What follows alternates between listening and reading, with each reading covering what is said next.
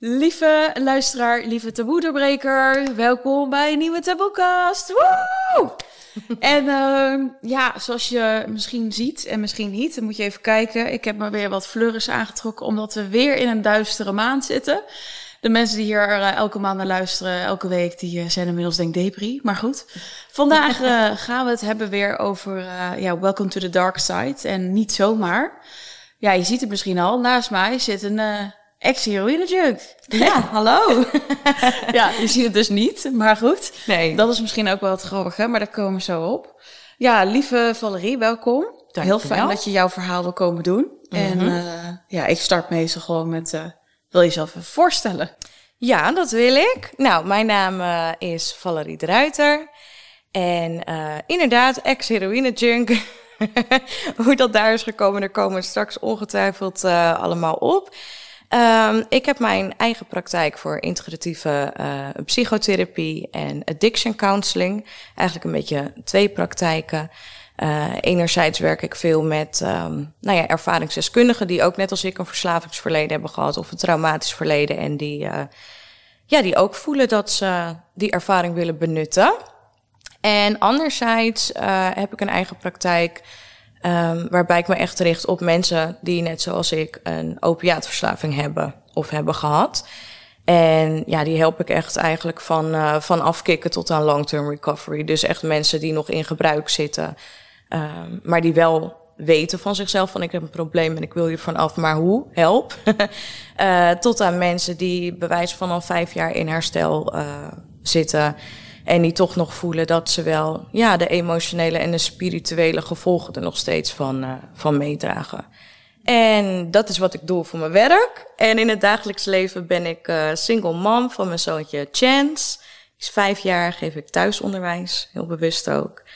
En uh, ja, ik heb altijd uh, als muzikant gewerkt. En als onderhoudsmonteur voordat ik dit allemaal ging doen. Dus dat is een beetje. Ja, dat is even heel anders, hè? Ja, ja ik maakte motoren en locomotieven. ja, ik vind je wel een stoer wijf, maar dit, had ik, uh, dit wist ik ook nog niet. Nee, nou ja, nu weet je dat. Ja. Dus uh, ja, dat is even wat ik nu doe en een stukje background uh, in. Ja, nou fijn, fijn voor de luisteraar. Ik hoor je zeggen van, uh, ik werk dus ook met mensen die nog in het proces zitten. Um, lijkt me soms intens. Ja en nee. Ik denk dat dat het voordeel is um, dat ik, hè, naast professional, ik heb um, goede opleidingen gehad, nu al een paar jaar ervaring, maar ik ben natuurlijk zelf ook echt ervaringsdeskundige. Dus daarom, ja, ik, ik vind daar vaak ook gewoon niet zoveel van, want ik herken er zoveel nog in. Uh, hè, of ze nou inderdaad in dat proces zitten, of dat ze nog in gebruik zijn, of in welke fase van herstel dan ook ik herken daar zo ook, ja, zeg maar, de, de processen in die ik zelf heb gehad. Um, ik ben niet alleen zelf de verslaafde geweest, maar ook naaste van. Dus vanuit dat oogpunt kan ik er vaak ook wel aan relaten. Dus uh, soms zijn er wel eens heftige. Ja, het is natuurlijk nooit leuk om iemand te zien struggelen.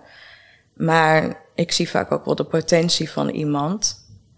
En daar blijf ik me dan op focussen. Ja, dat snap ik. Want je bent natuurlijk ook zelf uitgekomen. Dus je weet dat de kracht zit in jezelf. Zeker. En dat is ook echt waar ik voor sta. Um, en waarom ik het ook tof vond dat je, nou ja, dat je me hiervoor uitnodigde. Hè? Want je zit in de taboe sferen, dus dingen die niet, ja, waar je het liever niet over hebt, wat je liever niet wilt zijn. Nou, rondom verslaving zit natuurlijk heel veel taboe. Maar ook binnen, zeg maar, de herstelcommunity, om het zo maar te zeggen, zijn heel veel taboes. He, zoals mensen die zich echt blijven identificeren met hun verslaving, ook al zijn ze vijf jaar clean. Ze noemen zichzelf nog steeds de verslaafde. En ik ben gewoon van mening dat je veel meer bent dan dat. Ja, dat, dat heb je en dat zal altijd een deel van je blijven. Maar dat is niet wie je werkelijk bent. Dus daar blijf ik naar kijken. En of iemand nou in gebruik zit of al in herstel is, blijf eigenlijk een soort van die echte zelf door al die laagjes heen zien. Ja, mooi. Ja. En merk je ook, want hè, het is inderdaad een samenleving, het is natuurlijk niet voor niets dat ik dit onderwerp uh, aanhaal, want drugs en het zit ontzettend in de schaduw. Mm -hmm. Maar merk je ook weer onder mensen die dan gebruiken, dat daar ook weer taboes in zit? Want we Zeker gaan natuurlijk weten. het hebben over heroïne. Mm -hmm. nee, je gaat ons straks meenemen, maar dat is natuurlijk voor veel mensen zo. Die, ja, ik zit natuurlijk zelf ook in een gabber zien. Nou ja, weet je, uh, alle drugs komt er wel langs, maar spuiten, nou dat niet. Nee, precies. Dus, uh, daar lijkt me ook weer van, er zitten ook weer een soort oordelen naar elkaar. Of jij bent een erge gebruiker, of dit ga je toch nooit doen? Ja. ja. Ja. zeker. In die wereld zitten zeker oordelen naar elkaar. Zo, ik bedoel, uh, je hebt een beetje twee, of nou ja, eigenlijk drie uh, categorieën van middelen. Je hebt de, de trippers, en je hebt de uppers en je hebt de downers. Nou, heroïne is echt een downer. En tussen de uppers en de downers, daar, daar hebben mensen vaak ook weer over en weer oordelen van elkaar. Mm. Weet je, dus uh, inderdaad, vanuit de maatschappij zijn er absoluut heel veel ja, oordelen en, en niet kloppende aannames, zeg maar. Maar qua gebruikers onderling, of ook qua mensen die al in herstel zijn onderling, zijn die er ook absoluut. Ja. Ja, thanks. Nou, we gaan beginnen met jouw verhaal. Ja.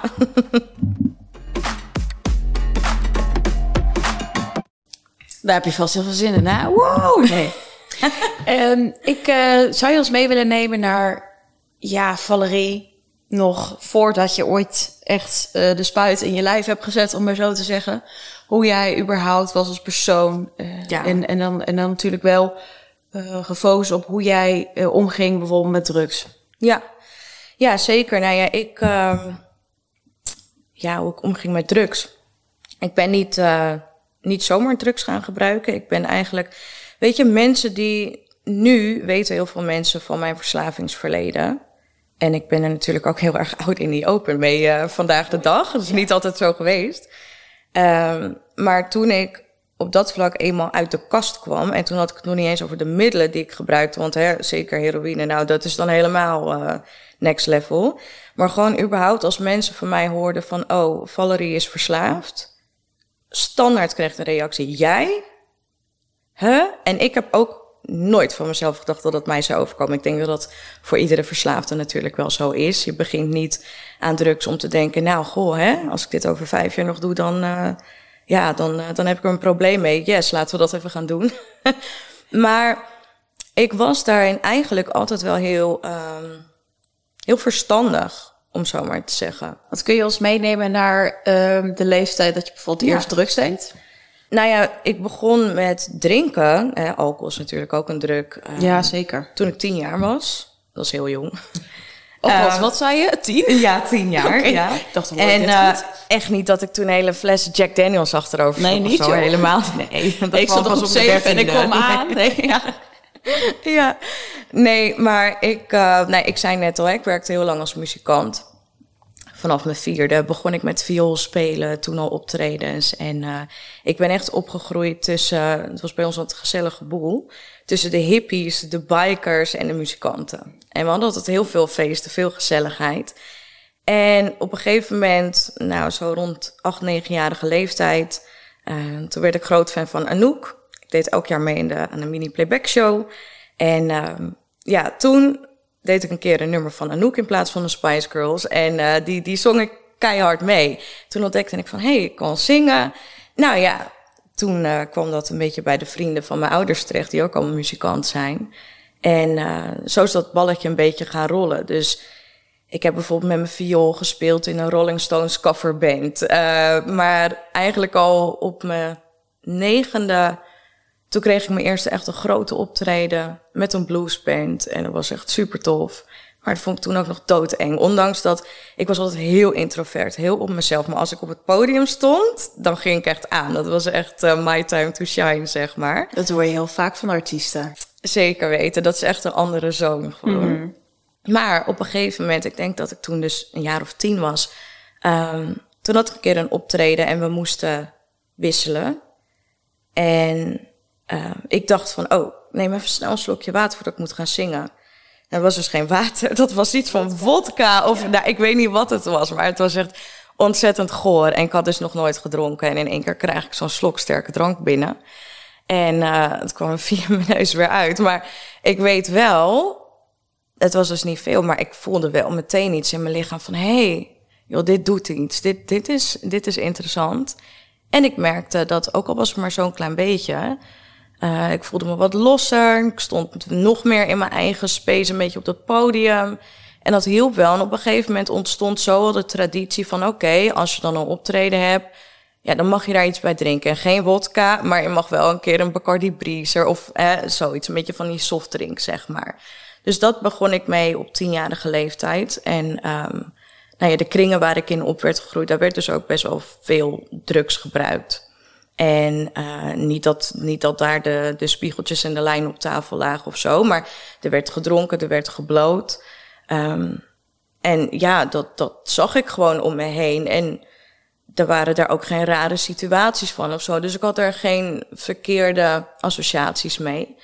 Nou ja, op een gegeven moment kwam ik natuurlijk op een leeftijd dat ik ook wat meer wilde experimenteren. En mijn ouders die waren heel erg van, hè, we kunnen het maar beter opengooien. Als er iemand taboe doorbrekend waren, dan waren dat mijn ouders wel. ook een tijd van vriendjes of vriendinnetjes. Bij mijn ouders mocht dat, weet je wel, zo. Um, dus ik denk dat dat er ook wel aan heeft bijgedragen dat ik er in het begin. Ja, de, de, er zat voor mij niet zo'n lading op of zo. Het was niet super spannend, weet je wel. Um, maar op een gegeven moment ben ik wel meer doelgericht gaan gebruiken. Want ik begon dus met het drinken van alcohol. En vanaf mijn veertiende begon ik met blowen. En dat was best wel een heftige tijd. Ik zat toen uh, in een depressie. Het ging bij ons thuis niet goed. Ik had vroeger heel veel te maken gehad met pesten op school. Um, sowieso, het hele schoolsysteem uh, kwam ik niet zo goed in mee als uh, hoogbegaafd kind. En toen op de middelbare school, toen dacht ik van ja, nee, nee, ik wil niet dat het weer zo wordt zoals op de basisschool.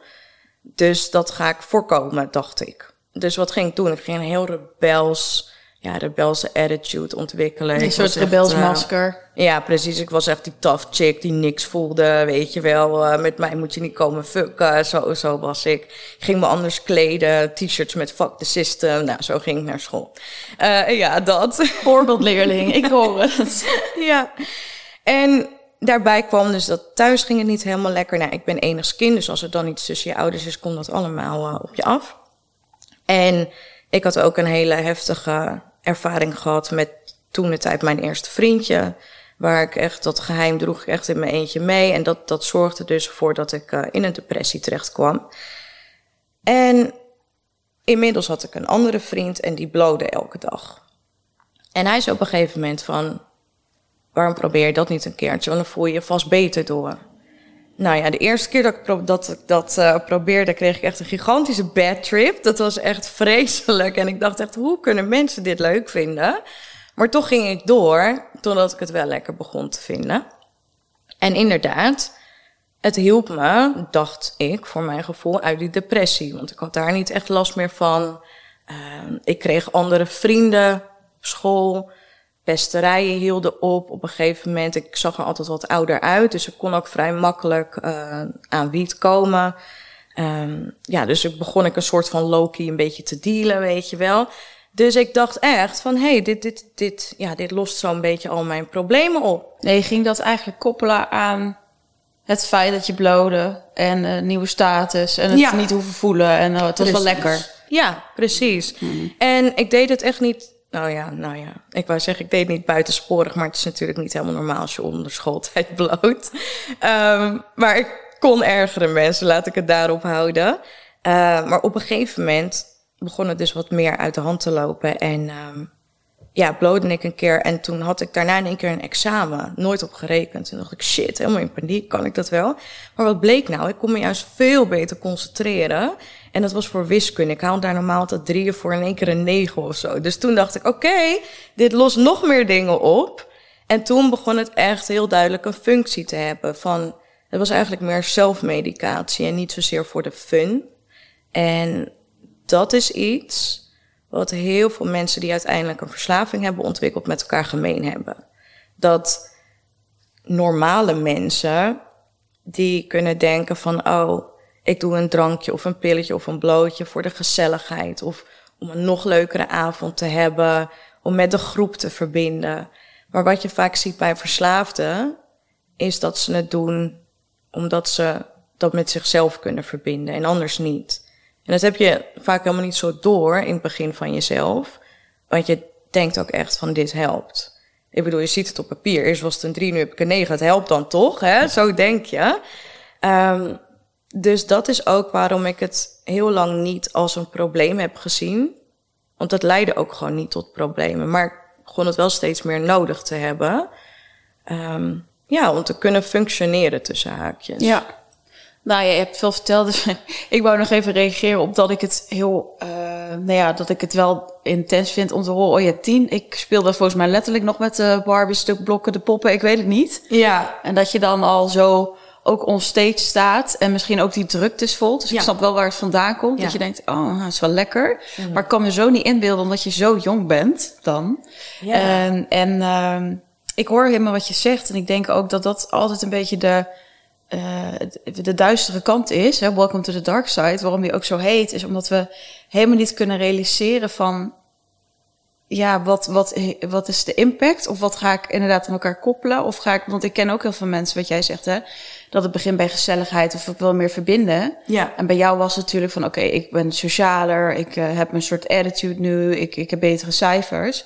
Maar ik ken ook mensen die eh, gewoon beginnen in de gezelligheid, maar dan daarna ook denken van, oh ja, maar ik kan eigenlijk niet meer gezellig zijn Precies. zonder een pilletje of een snuifje, omdat ik dan niet zo kletserig ben. Ja. Of, hè, dus je gaat gewoon verkeerde associaties in je hersenen aanleggen. Zeker. En dat maakt het zo moeilijk, denk ik. Ja, en zeker ook ehm, hè, wat je zegt van on stage. En sowieso in de muziek zien of bij kunstenaars of creatieve types.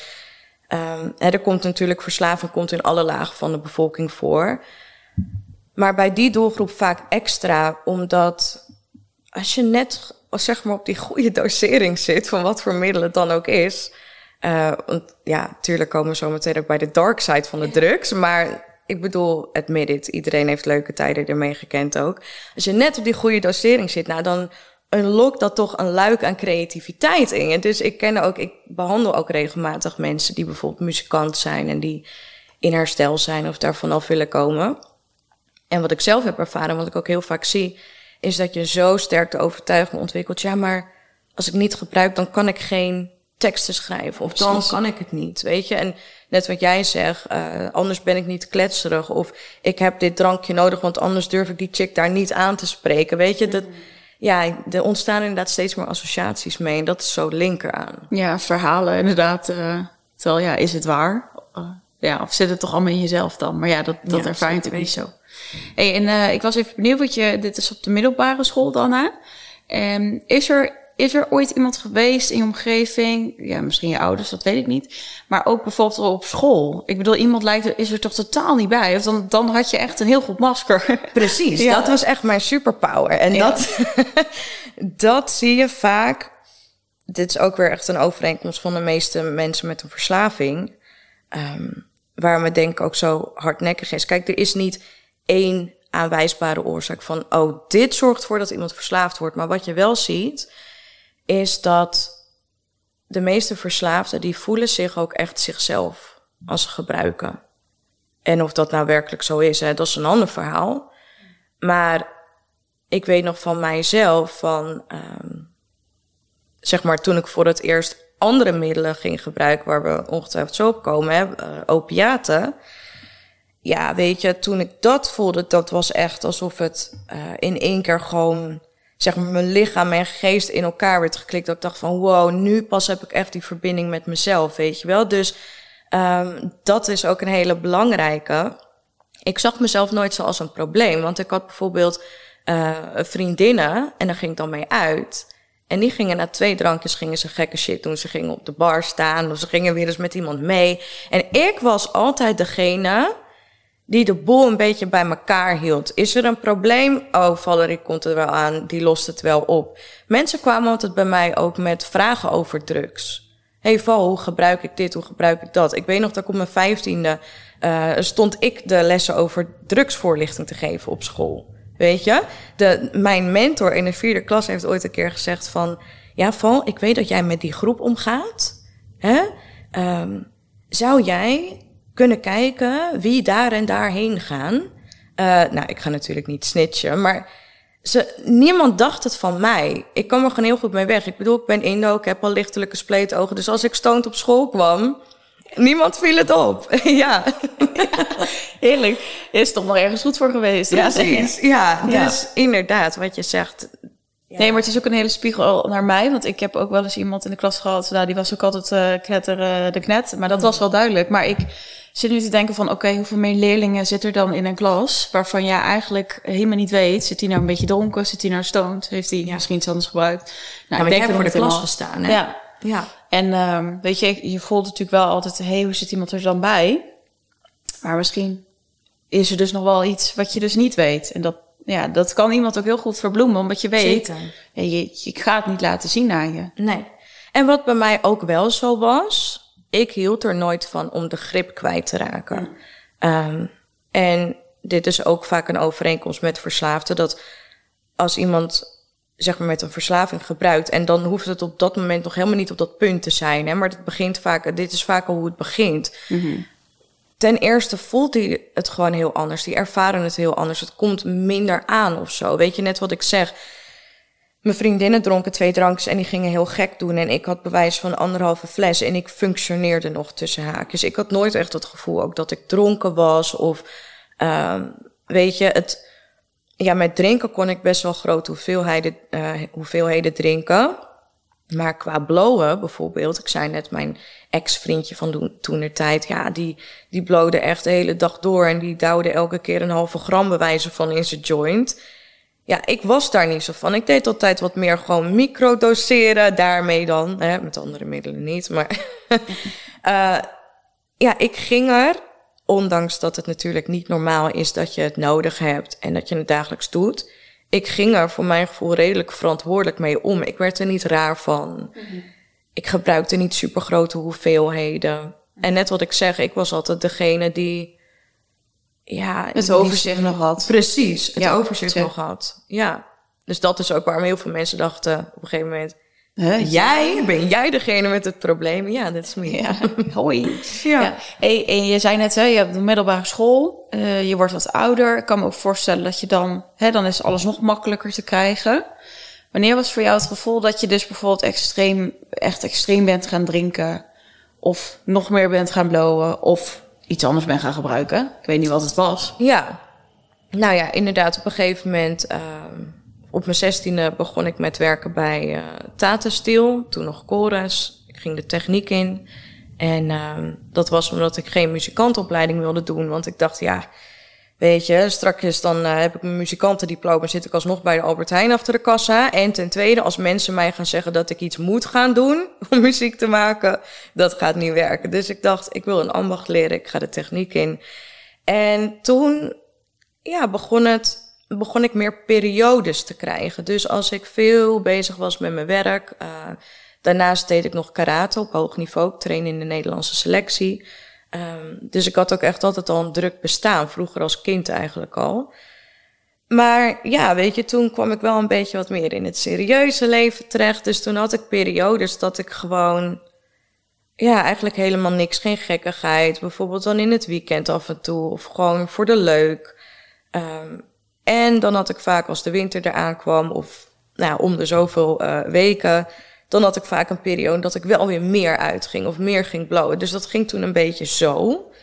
En daar keek ook niemand echt van op. Want het hoort eerst... ook wel een beetje bij die tijd, ja, toch? Het hoort ook. Nou, iedereen, of tenminste, ik denk ook, ja, ik heb het ook gedaan, weet je wel. Nee, ja. niet dat dat het helemaal goed eh, is uitgepakt, maar. Nee, maar precies. Niemand ja. kijkt je er heel gek op aan. Ik weet nog wel, mijn ouders hebben zelfs een keertje gezegd van, nou, val. Jeetje, moet jij niet even een keer meer de deur uit of zo? En dan dacht ik, nou, je moet eens weten. Want ik bedoel, mijn ouders waren wel heel open. En net wat ik zeg, als ik uh, vriendjes of vriendinnetjes over de vloer kreeg, ja, die, die vertelden dan altijd tegen mijn ouders, vonden ze fijn dat ze konden praten. Maar ik ging daar niet gezellig bij zitten blowen of zo. Juist niet. Weet je, ik dacht van nee, dat doe ik later wel. Uh, is natuurlijk ook weer het gedrag van een verslaafde. Ja. Van ik laat het hier dan ook weer niet zien. Precies. En dan deed ik heel braaf, oh ja, geef maar een paar hijsjes en dat is goed. Maar ondertussen deed ik wel meer dingen buitenshuis, zeg maar. Dus daar begon het al een beetje, inderdaad, dat stiekem gedrag. Dat ik was vaak degene die de rondjes ging halen. En dan bestelde ik vier shotjes. Nou ja, en daarvan dronk ik eerst zelf twee op en dan de rest mee. Dus het begon steeds meer dat ik het al begon te berekenen. Met, oh, gaat dit opvallen? Wanneer kan ik wat gebruiken? Wanneer kan ik wat nemen? Oh ja, zometeen ben ik thuis. Nou, dan moet ik nu onderweg in de auto nog even snel een jointje roken. En dat had ik toen echt allemaal niet door. Maar zo sloopt er een beetje in. Maar de, de echte omslag, dat kwam uh, op mijn twintigste. En ik had toen best wel goed voor mekaar. Uh, mooie auto, leuke vrienden, geld op de bank. Uh, ik had net mijn eigen huis gekocht. Wauw. Ja. Al zoveel. Je bent pas twintig. Ja, ja. Dus het gebruiken was toen nog leuk. Dus ik zat toen, zeg maar, die 19, 20 jaar, dat was voor mij echt wel een goede tijd, zeg maar. En op een gegeven moment, um, ja, je hoort het al een beetje, ik heb altijd al een heel druk bestaan gehad. Nooit echt naar mijn lichaam geluisterd, altijd maar door, door, door, door.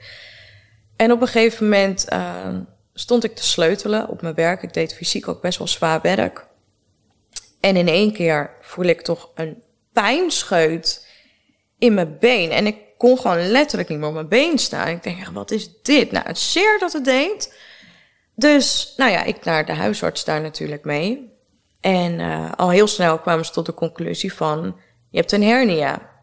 Maar niet zomaar een hernia. Het was ook weer een heel complex geval. En een zenuwbeschadiging erbij. En nou ja, allemaal was altijd al complex. En dat kwam toen uh, tot uiting, zeg maar. En daar kreeg ik vrijwel meteen kreeg ik daar opiaten voor voorgeschreven. Ja, opiaten, dat, uh, mocht je dat niet weten als luisteraar, dat zijn uh, een groep pijnstillers. Um, je hebt natuurlijk paracetamol. Uh, je hebt zeg maar ook pijnstillers zoals ibuprofen, hè, diclofenac, meer de ontstekingsremmers. En de opiaten, dat, dat is echt de heavy stuff, zeg maar. Dat wordt gemaakt van, ja, vanuit opium, de papaverplant. heroïne wordt daar ook van gemaakt. bekende opiaten zijn bijvoorbeeld morfine, tramadol, oxycodon, fentanyl. En ik kreeg in eerste instantie tramadol voorgeschreven. Dat is nog een redelijk licht opiaat, maar het heeft wel een geestveranderende werking. Dus je bent erg wel van onder invloed uh, als je dat neemt. En ik had toen natuurlijk ook heel veel pijn. Ik was in één keer in een hele rare situatie beland van iemand die altijd druk, druk, druk was. Nadat ik ineens thuis zat. En ik had echt net mijn eigen huis. Het behang zat nog niet eens op de muren, weet je wel. In één keer in de ziektewet. Dus dat was een hele rare omslag. Ik kon niet eens meer goed de trap opkomen, bij wijze van. Dus dat was heel vreemd. En toen kreeg ik dus die pijnstillers. En daarmee merkte ik al vrij snel van... oh ja, ja, dit helpt niet alleen voor de pijn, zeg maar. Nou, die tramadol werkte niet voldoende. Dus na ongeveer een week, al vrij snel... Uh, toen kreeg ik oxycodon voorgeschreven. En oxycodon, dat, ja, hier in Nederland wordt dat steeds meer een probleem. Maar in Amerika is dit echt al jarenlang een gigantische crisis. Er gaan echt jaarlijks heel veel mensen aan dood. Maar dat wist ik allemaal niet. En al had ik dat wel geweten, had het me niet geïnteresseerd. Want ik had echt pijn. En ik dacht, geef me gewoon iets waardoor het weggaat. Um, maar die eerste keer dat ik dat gebruikte... En dan weet ik echt nog precies. Ik stond toen... Uh, onder de douche. en ik had het net ingenomen. En terwijl ik onder de douche sta, kikte dat effect in één keer in. Mm. En dat was dus het moment wat ik net zei, waarvoor ik echt voor het eerst in mijn leven voelde van... Holy shit, nu pas voel ik voor het eerst echt verbinding of zo. Het was echt alsof... Ik had altijd een beetje het gevoel alsof mijn, mijn hoofd en mijn lichaam en mijn ziel of zo... alsof die altijd een beetje langs elkaar heen werkten. Ja, het was echt een samensmelting van die drie dan. Ja, Alsof het in één keer klopte gewoon. En de pijn was weg. Nou, ik voelde me super euforisch, weet je. En ik weet nog, eh, ik ben meteen onder die douche vandaan gegaan. Ik denk, ik ga met mijn hond lopen, want dat kon ik al heel lang niet. Nou ja, ik, ik liep daar midden in de nacht op straat, echt super happy de peppy, weet je wel. Ik dacht echt, wauw, dit is helemaal te gek. Mhm. En nou, daarna ging ik slapen en toen kon ik ook eindelijk weer, uh, zeg maar, een oog dicht doen, weet je wel. Want ik had ook geen pijn. En je wordt er natuurlijk heel suf van. Ja, en toen meteen eigenlijk al die volgende ochtend, want er stond op het voorschrift naar behoefte innemen. Nou ja, dat naar behoefte ging bij mij heel snel. Uh, dat lijkt mij ook. Ja. Want als je wakker wordt, is het natuurlijk die samensmelting en, het, en, en je hebt weer wat pijn. Ja. Ja, dat mag wel meteen weer gewoon lekker, uh, zoals je onder de douche stond, ik zeggen. Precies, ja. ja. Dat is vaak ook met verslaving zo. Hè. Je probeert bewust of onbewust elke keer weer die eerste ervaring of dat het voor het eerst zo lekker binnenkwam, probeer je terug te krijgen. Maar je krijgt dat gevoel gewoon niet meer. Nee. Dus zo, uh, ja, zo is het zeg maar begonnen dat het, uh, dat het uit de hand begon te lopen. En dat ik dus ook andere dingen begon te gebruiken. Ehm, en dat heb ik heel lang niet doorgehad. Want ik bedoel, ik was ook ziek. Ik had ook echt pijn. Hè? Dus ik dacht echt van, ik heb dit nodig, want anders functioneer ik gewoon niet. Maar um, opiaten, de reden dat het zo verslavend is, is omdat je naast het mentale aspect van verslaving, heeft het lichamelijk ook ontzettend veel impact. Um, weet je, normaliter mag het eigenlijk niet langer dan zes weken worden volgeschreven, want je krijgt er een tolerantie voor, er ontstaat een lichamelijke afhankelijkheid. Dus ook al zou je mentaal niet verslaafd raken, uh, lichamelijk raak je dat vroeg of laat sowieso, als je dat gebruikt. En op een gegeven moment kreeg het dus ook minder effect. En net wat ik zei, je probeert elke keer weer ja, te chasen naar die high, die perfecte high, die maar niet terug lijkt te komen. En je hebt elke keer meer nodig voor hetzelfde effect. Dus um, toen begon ik ook meer dat het drinken en het blowen uit de hand begon te lopen. Dat ik had op een gegeven moment ontdekt dat als ik daarmee. Uh, er staat zo'n gele sticker op van pas op met alcohol. als ik er wel alcohol bij dronk, ja, dan kwam het nog beter aan. Dus op een gegeven moment uh, begon ik ook dat als ik ochtends uit bed kwam, het eerste wat ik deed was, nou ja, zeg maar, mijn pilletje nemen. En dan dronk ik daar ook nog even een half glas wijn bij, want dan kwam het harder aan. En zo begon echt mijn leven, ja, al binnen een hele korte tijd echt puur om het gebruik te draaien. Van continu een soort van afstemmen. Uh, dat je er het meeste effect uit haalt. Niet gaan eten, want dan komt het beter aan. Weet je, dat, ja, toen begon echt de waanzin daarin. Ja. Ja, wauw, ik ben het luisteren. Het is ook wel bijzonder hoe dat in één keer dan in je lijf is geschoten. En ik kan me voorstellen dat je thuis zit. Of tenminste, want je was niet aan het werk dan. Nee, ik zat toen in de ziektewet, ja. Ja, en dat lijkt me dan zo, als je altijd bezig bent en er ook heel veel plezier uit haalt. En als je thuis, ja, en dan, en dan, en dan kan me voorstellen, en dan voelt dat lekker. Ja, wat moet je verder? Ja. Want je hebt ook nog spijn en het is eigenlijk allemaal even kut. Ja, het is eigenlijk ook heel logisch. Ja. ja.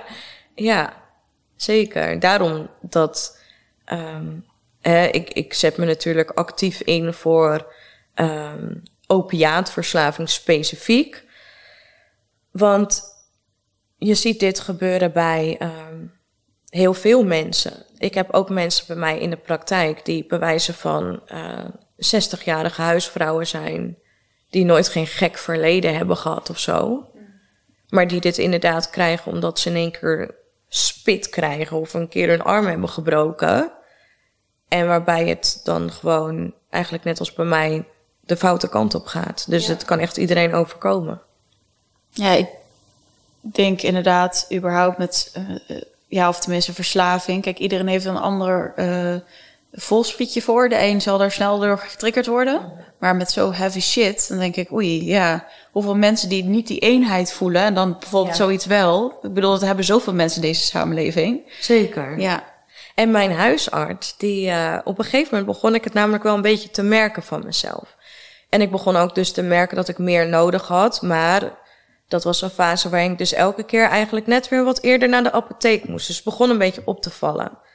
En um, toen ging ik ook naar de huisarts. Ik zeg, ja, ik, merk dat ik gewoon meer nodig begin te hebben, weet je. Anders, dat is ook zo. Hè? Op een gegeven moment in een later stadium kon ik nog geen drie uur zonder te gebruiken, want dan werd ik echt dood en ziek. Dat kon door die lichamelijke afhankelijkheid.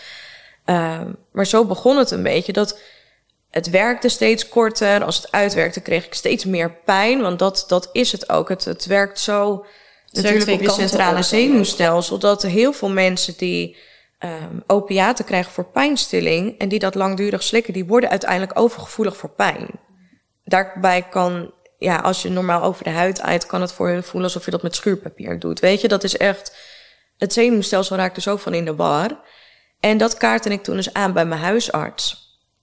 En toen zei hij van ja, maar we moeten er wel een beetje mee oppassen, want je bent nog zo jong. En het kan verslavend werken. En uh, toen dacht ik heel even, shit, shit, shit. Straks heeft hij me door. Maar, zegt hij, dat zie ik bij jou niet gebeuren. Want jij bent altijd zo'n verstandige, slimme meid. Hè? Ja, ja, wauw. Ja, dat zijn misschien juist de gevaarlijkste. Ja. Ja, maar ik, ik, en, en ik denk, oh ja, ik snap die huisarts wel. Want volgens mij had je dat, dat was ook, dat was ook zo, of zo. Ik denk ja. dat je zo binnen zou zijn gekomen. Ja. Maar ik vind het wel mooi dat je het even deelt, omdat ik denk, oh, belangrijk is het eigenlijk dat een huisarts dit misschien wel even meer checkt. Ja. Ja, sowieso is het natuurlijk eigenlijk best wel heel raar. Weet je, ik heb het uiteindelijk bijna vijf jaar voorgeschreven gekregen.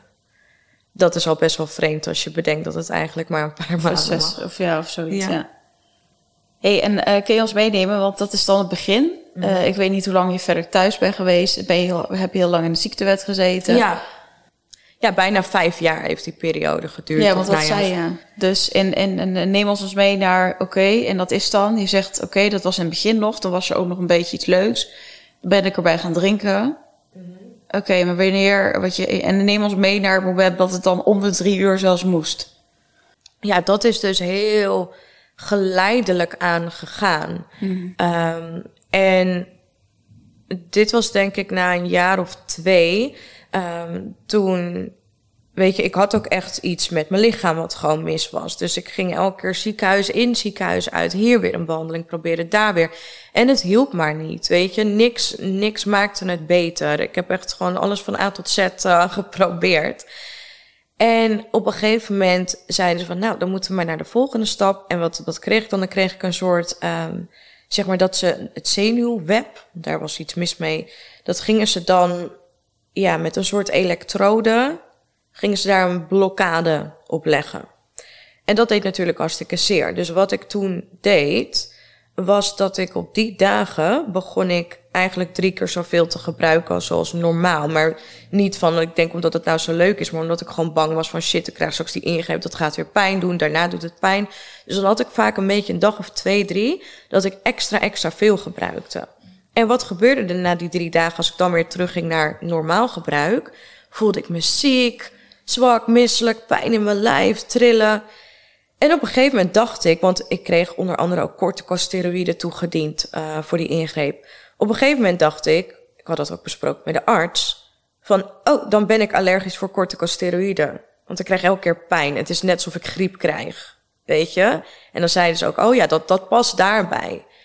Nu weet ik, dat was helemaal geen griep, dat had daar niks mee te maken. waren afkikverschijnselen, omdat ik een paar dagen extra veel had gebruikt en daarna in één keer weer naar minder ging.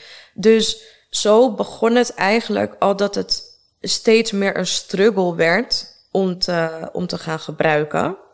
Nou, en op een gegeven moment, uh, ja, lang verhaal kort, liep dat eigenlijk zo steeds meer uit de hand dat ik het, uh, dat ik merkte van, oké, ik haal dat er niet meer uit, dan ga ik het opsnuiven. Want dat had ik gezien een keer in een documentaire.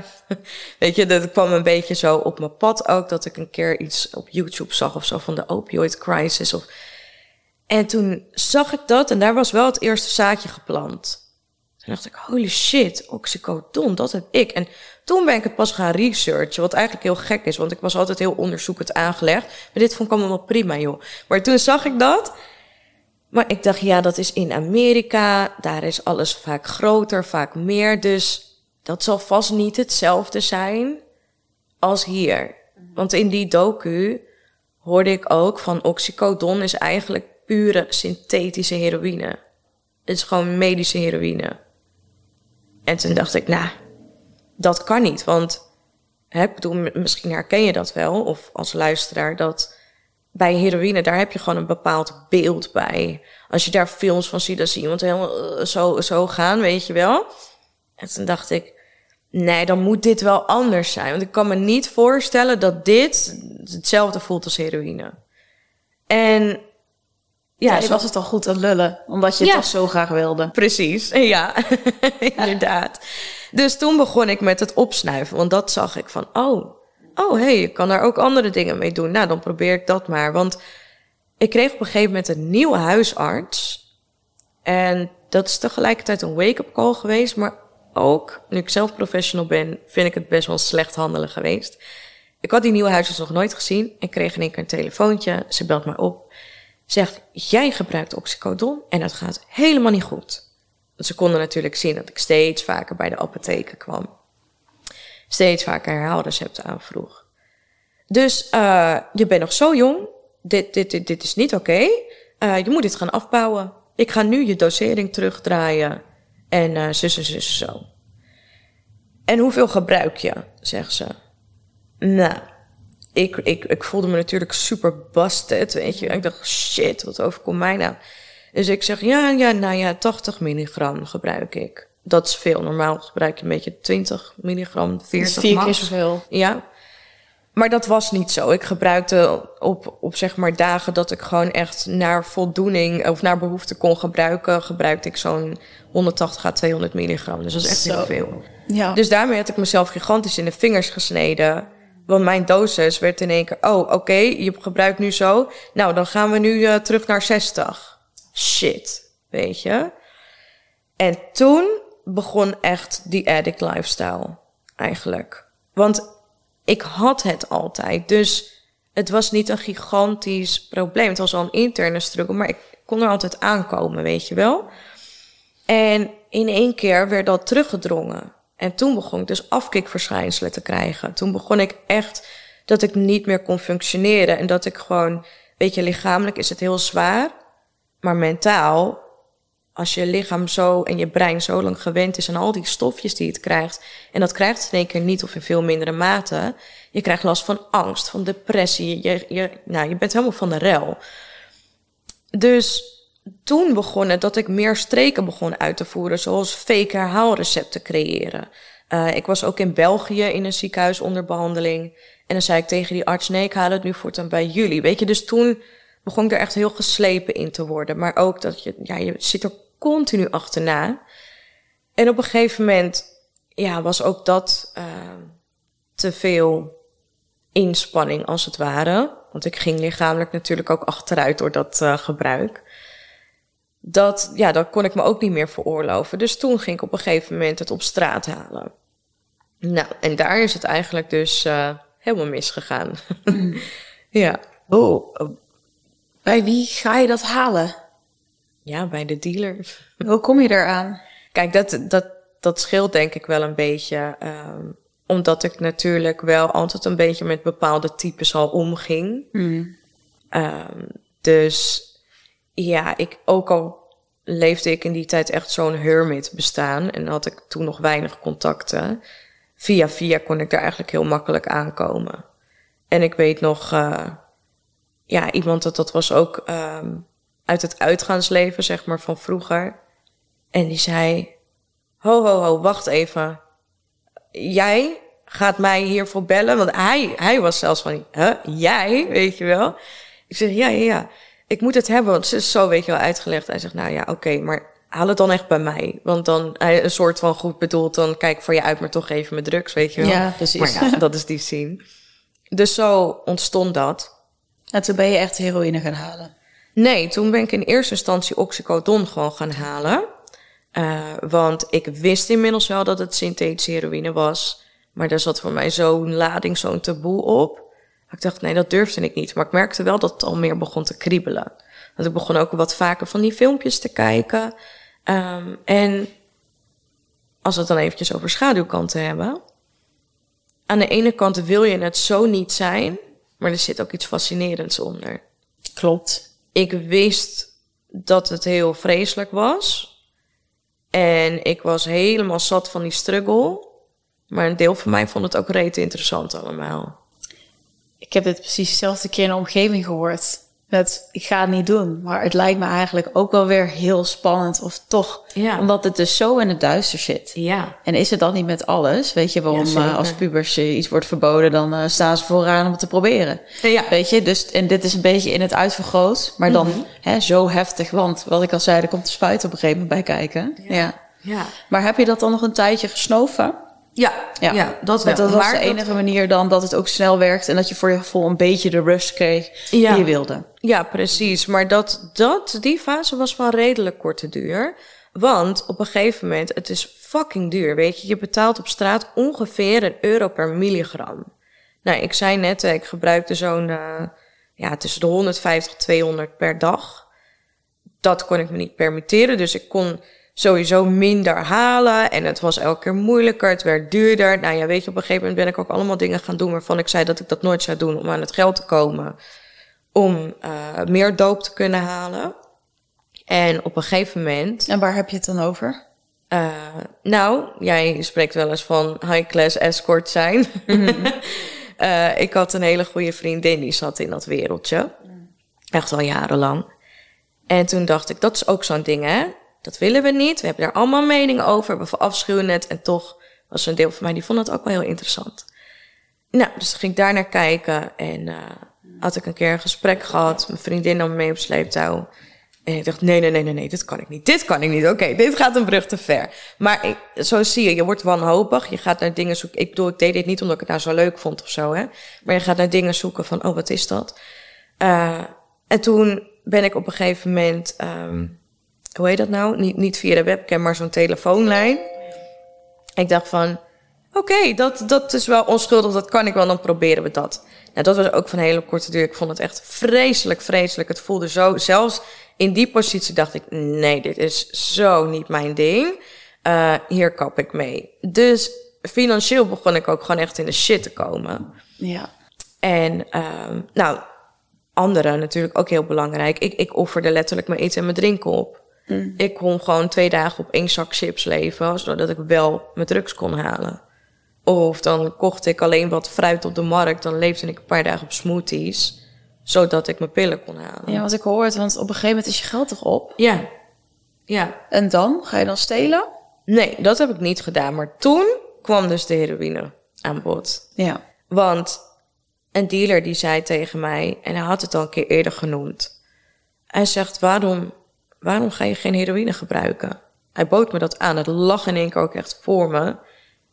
En toen was het in één ik dacht dat het er altijd heel anders uitzag. Ik dacht dat dit altijd heel anders was. Je hebt een bepaald beeld bij, maar dat beeld is gewoon niet wat het lijkt. En toen zei hij dat. Hij zegt, jongen, waar jij bewijs van 100 euro voor betaalt, dan kan je hier met een tientje mee vooruit. Nou, top. En dus mijn interesse was gewekt. Ik stond toch zo op de verge, weet je wel. En toen zei ik van, ja, maar joh, weet je, ik had altijd al moeite met bloedprikken bijvoorbeeld. Ik zeg, ja, nee, maar ik ga geen spuit in mijn arm. Ik word helemaal angstig. Ik zeg, dat ga ik niet doen.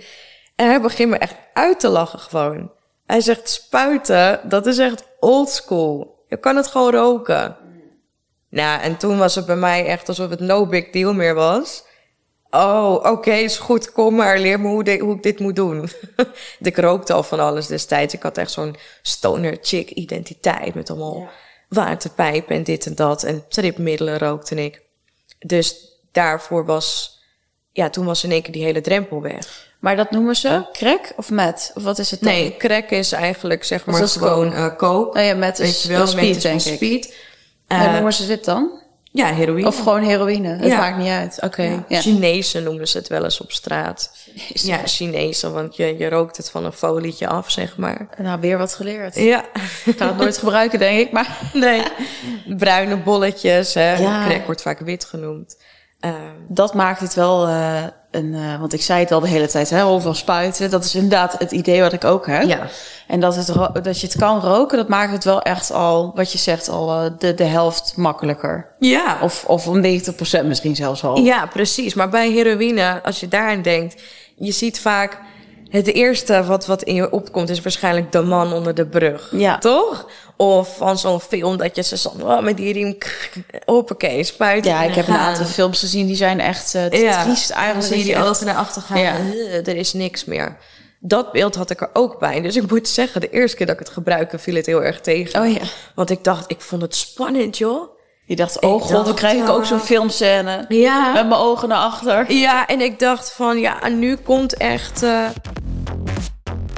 Nou, dames en heren, als je deze knip hoort, we, onze camera is even uitgevallen. Dus ook voor de mensen die via YouTube kijken, ja, je ziet nu zwart beeld. Nou, we zijn er nog, of een ja. leuke foto, iets, ja. Maar uh, we hadden het net over het stuk dat uh, heroïne, dat er inderdaad zo'n uh, idee achter zit van hè, en het is met een spuit en je ligt onder de brug. Ja. Nou, dat was in jouw geval dus niet. Nee. Kun je ons meenemen? Want hè, het werd heel leuk aangeboden door je dealer. Nou, hey, thanks. Hè? Ja, dat, dat wat, wat je zegt, echt zo'n dubbele, dubbele rand. Ja. Hè, van, oh, het kan goedkoop. Kan je een soort van helpen, maar eigenlijk ga je de afgrond ermee in. Maar goed. Ja. Ja. Nou, dat was dus wel iets wat ik altijd nog een soort van in mijn achterhoofd bleef houden. En dat is echt de waanzin van verslaving. Want weet je, oxycodon is ook gewoon echt medische heroïne. Maar toch, omdat het bij een apotheek vandaan komt, heb je ergens het idee van dan is het minder erg. Weet je? Ondanks dat ik het dus in, ja, ondertussen al langer op de, de zwarte markt haalde, hè, om zo maar te zeggen. Ehm, maar ik weet nu, er was mij ooit wel eens verteld van ja, mensen hebben vaak nog eerder de voorkeur daarvoor dan voor een bolletje. Toen dacht ik, hoezo? Want dat lijkt me, dat leek me de real deal, de heavy stuff. Nou, dat was niet zo. Ja, oké, je had een iets zwaarder lichamelijk effect, maar ik vond dus bij oxycodon was de, de high, zeg maar, de euforie meer voor mijn gevoel. Um, en ik had inderdaad ook wel het idee van, joh, maar als ik dit meer ga doen, nog meer in die scene komt, want ook dat gaat heel snel wennen. Dus ook dan gaat in één keer het idee van die spuit toch wel aanlokkelijk klinken. En dat was het moment waarop ik wel bang werd van mezelf. Dat ik dacht, oh nee, als ik dat ga doen, dat gaat echt niet goed komen. Dus ik probeerde het wel een beetje zo, ja, een soort van bewust te doen. Wel zoveel mogelijk, zeg maar, dan de medische varianten gebruiken. En alleen heroïne te halen, alleen naar die dealer te gaan als het echt niet anders kon. Dus als het op was of als ik afkeekverschijnsel had, dan ging ik het halen. Dus op zich viel mijn gebruik viel mee wat betreft heroïne. Het is niet mijn hoofdmiddel geworden op een gegeven moment. Maar ja, eigenlijk is het één pot nat natuurlijk. Um, maar die fase ja, dit heeft ook niet zo heel lang geduurd. Dit was een beetje in het laatste jaar uiteindelijk van mijn verslavingstijd. Want uh, ja, op een gegeven moment begon het zo bergafwaarts te gaan. Ik begon echt problemen te krijgen. Uh, want in die tijd, ik zat natuurlijk al bijna vier jaar toen in de ziektewet. Um, en in die tijd um, werd me aangeboden om weer te gaan reïntegreren. En aan de ene kant leek me dat op zich wel leuk, want Ondanks dat het met mijn gebruik minder ging, ik begon, dit was in 2015, toen wel steeds meer zo'n periode te krijgen dat ik weer eens wat vaker uitging. Of ik ging weer wat meer optreden. Dus ik begon ook wel een beetje de behoefte te krijgen hoor, om niet alleen maar als een junk in mijn ondergoed op de bank met drugs en flessen drank om me heen en de gordijnen dicht uh, te zitten gebruiken, zeg maar. Maar ondanks dat jij dus in deze staat was, ging je ook weer optreden. Ja. En ook weer gewoon naar buiten. Dat lijkt me ook wel even wennen als je altijd een beetje in je bubbel hebt gezeten, je junkbubbel dan ja. of zo. Hoe kun je het noemen? Ja, precies. Maar dat was dus dat aan de ene kant, ja, viel het mensen niet echt op, want dat is wel het voordeel dan van de muziek zien in die zin. Uh, niemand kijkt heel gek als jij onder invloed op het podium staat. Maar mensen die dichterbij me stonden, die begonnen het wel op te vallen. Want je begon het ook echt wel aan mijn huid te zien, mijn ogen. Weet je, ik kan je misschien straks wel een foto laten zien van hoe, hoe ik er toen uitzag. Weet je, op een gegeven moment was het uh, inevitable, zeg maar, onvermijdelijk. Maar ik kreeg er pas problemen door toen ik dus moest gaan reïntegreren. Want toen moest ik in één keer terug de maatschappij in. Hmm. Ik moest in één keer en dat was nog, ik bedoel, vroeger draaide ik altijd ochtenddiensten. Dus dan uh, om vijf uur stond ik naast mijn bed. En met het reïntegreren moest ik daar een keer pas om elf uur zijn. En dat was al bijna niet te doen. Want dan moest ik er dus heel lang voor uittrekken. Want ik ben precies zo en zo lang bezig met gebruik. En dan komt het effect, dus dan moet niemand me storen. Zo lang duurt het totdat ik een beetje de weg op kan. Weet je, dus toen begonnen echt wel uh, de daily struggles te ontstaan.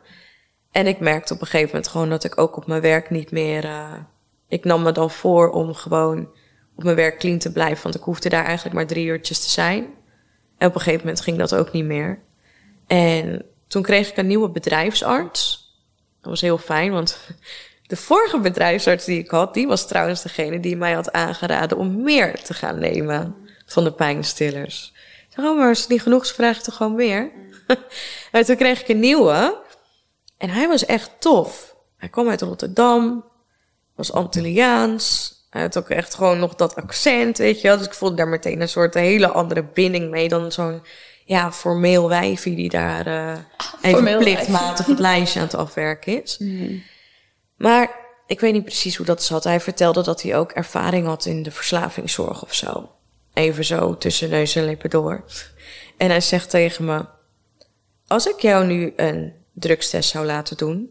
Want Tata Steel is een groot bedrijf, dat mogen ze daar, daar heb je voor getekend.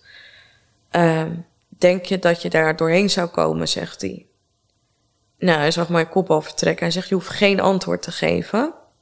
Maar ik wil dat je daar voor jezelf even over nadenkt. Voelde hij dat intuïtief dan zo goed aan? Ja, Zo, dat is zeker heel knap. Maar ik zat daar ook onder invloed. Mhm. Dus weet je, vaak verslaafden onderling herkennen het meteen van elkaar. Maar als je natuurlijk... Ik herken het ook hoor. Als, Ja. je zelf, als je zelf ooit drugs hebt gedaan en, zie je en gewoon. je ziet het en je voelt, op, of tenminste, ik voel het ook altijd aan iemands aura. Helemaal. Het voelt zo anders afgesloten. Ja. ja, Ja, zeker. Dus hij herkende dat en hij liep het daar heel open in. Maar hij veroordeelde me ook niet. dat is denk ik het allerbelangrijkste in zo'n proces. Ja, en Ja. ik weet nog dat ik toen op de terugweg... had ik echt super emotioneel in de auto gezeten. Echt huilen en dan in één keer gewoon helemaal numb, weet je wel. En dan in één keer, oh shit. En dan weer boos van iemand gaat mij mijn middelen afpakken. Maar daar was wel iets heel belangrijks gebeurd. Want ik dacht wel van, ja, is dit wat ik wil? Nou goed, ik geloof dat ik twee weken later weer een gesprek met hem had. En toen confronteerde hij me ermee. En toen was ik ook voor het eerst echt eerlijk erover. En toen zei hij van, weet je wat, dan plaats ik je nu weer terug de ziektewet in. Dus de reïntegratie stopt hier eventjes. En dan geef ik je een half jaar de tijd om hulp te zoeken, om een opname te gaan doen, af, Af te kicken, kicken. ehm, en je leven op te pakken. En hij gaf mij dus een soort van die kans. Nou, dat, dat maakte heel veel los, want dit noemen ze vaak, zeg maar, de storm voor de stilte, in plaats van de stilte Mm. voor de storm. Mooi. Ehm, dat is echt zo met verslaafden. Als je weet van, oké, dan gaat het gebeuren of dan ga ik die opname, dan wordt het altijd erger. En het voelt een soort van alsof je afscheid moet nemen. En tegelijkertijd wordt de last ook groter, want je beseft je in één keer dat je echt een probleem hebt. En pas als je daar erg in hebt, dan krijg je er ook, hè, dan, dan is het steeds zwaarder ook voor je. Dus dat was wel een hele heftige periode. Uh, maar het, ja, het begon mijn ouders ook op te vallen. En ik weet nog heel goed dat op een gegeven moment, uh, toen kwam mijn vader bij mij naar binnen en wij zijn echt twee handen op één buik. Maar even voor iedereen en voor mij ook, hadden ze tot nu toe dan nooit iets doorgehad? Ja, wat?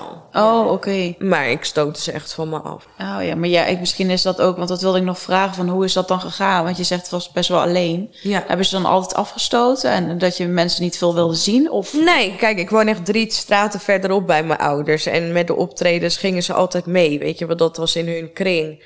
Uh, maar gewoon, ja, als ik dat vergelijk met het contact van nu, ja, dan stelde dat echt niet zoveel voor hoor. Of ik deed gewoon inderdaad heel erg mijn best om zo normaal mogelijk over te komen. Maar ik miste niet alleen de verbinding met mezelf, maar ook met hun. Uh, en vaak ging ik wel nog bijvoorbeeld met mijn vader, die reed me dan naar België toe of dat soort dingen. Dus um, dan hadden wij wel gewoon contact. Maar, maar je was wel altijd onder invloed, toch? Ja. Ja. Ja, en dan zei mijn vader ook weer, nou zit je weer op de praatstoel. Want als ik dan high was, ging ik heel veel praten. Maar dat was natuurlijk, ja, nee, ik uh, heb even extra pijnstillers genomen, want ik krijg straks die ingreep. Dus uh, ja, ja, dan voel je dat. Dus zo.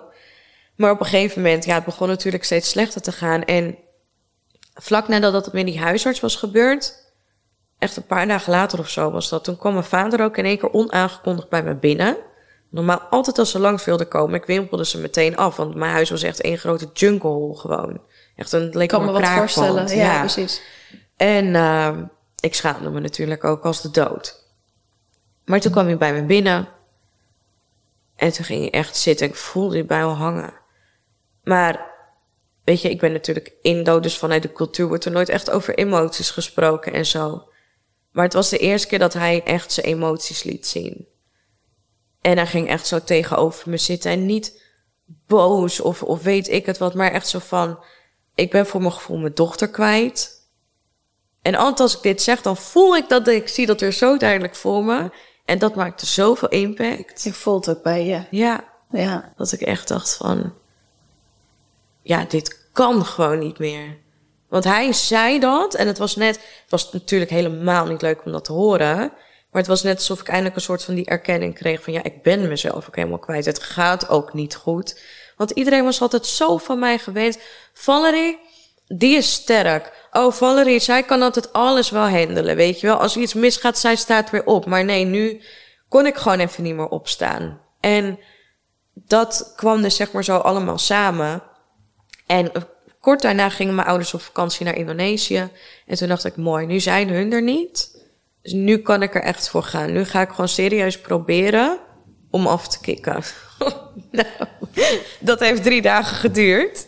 Wat een hel was dat. Dat was echt, uh, nee, dat, dat niet doen. Dus toen kwam echt dat moment dat ik dacht, nu gaat die knop om. Ik ga ermee kappen. Ik had ook tegen mijn ouders gezegd, toen ze, wel pas toen ze in Indonesië waren, dat ik ze opbelde. Ik ga er vanaf, ik ga ermee stoppen, weet je wel zo. Nou, dat kon ik niet waarmaken. Maar je zei na drie dagen, omdat Ja. je lichamelijk zo gewoon gek werd. Ja, Ja. het was zo heftig. En toen besefte ik ook van, ik kan dit niet alleen. Nee. Dus toen ben ik eh, ja, een soort van op magische wijze, ik weet niet eens hoe ik daar terecht ben gekomen, bij de meetings gekomen van de NA, de Narcotics Anonymous. En dat was echt waar mijn herstel begon. En dat heeft nog heel veel vallen en opstaan gehad, maar ik zag in één keer gelijk gestemde. Ik hoorde de verhalen. Ik weet nog dat ik daar aankwam, zwaar onder invloed. Want dat was echt, zeg maar, nadat ik weer ging gebruiken, nadat ik een paar dagen aan het afkicken was. Dus dan komt het ook in één keer weer veel harder aan. En ik kwam daar aan en ik werd letterlijk met open armen ontvangen. Door iemand die naar mij toe kwam lopen en zij zag natuurlijk meteen hoe ik eraan toe was. En zij pakt me vast en zegt, alles komt goed. Het is helemaal oké. Wauw, wat een liefde. Ja, en dat was echt, ik heb daar ook alleen maar zitten huilen of zo die eerste keren. Dat ik, ik in één keer voelde van, hè, ik ben niet alleen, weet je wel. De- Hè? Iedereen doet dit soort dingen zoals ik dat heb. Maar je voelt je zo alleen als je daarin zit. En toen begon ik ook adviezen te krijgen. Want ik stond inmiddels wel aangemeld voor een wachtlijst bij de breider, bij de verslavingszorg. Ja. Maar dat duurde heel lang. Om echt kreeg- opgenomen te worden? Ja, dan? ik kreeg hier en daar wat ambulante begeleiding. Maar dat werkte voor geen meter. Die, die man, die, die behandelaar die ik had, die zei zelfs tegen mij...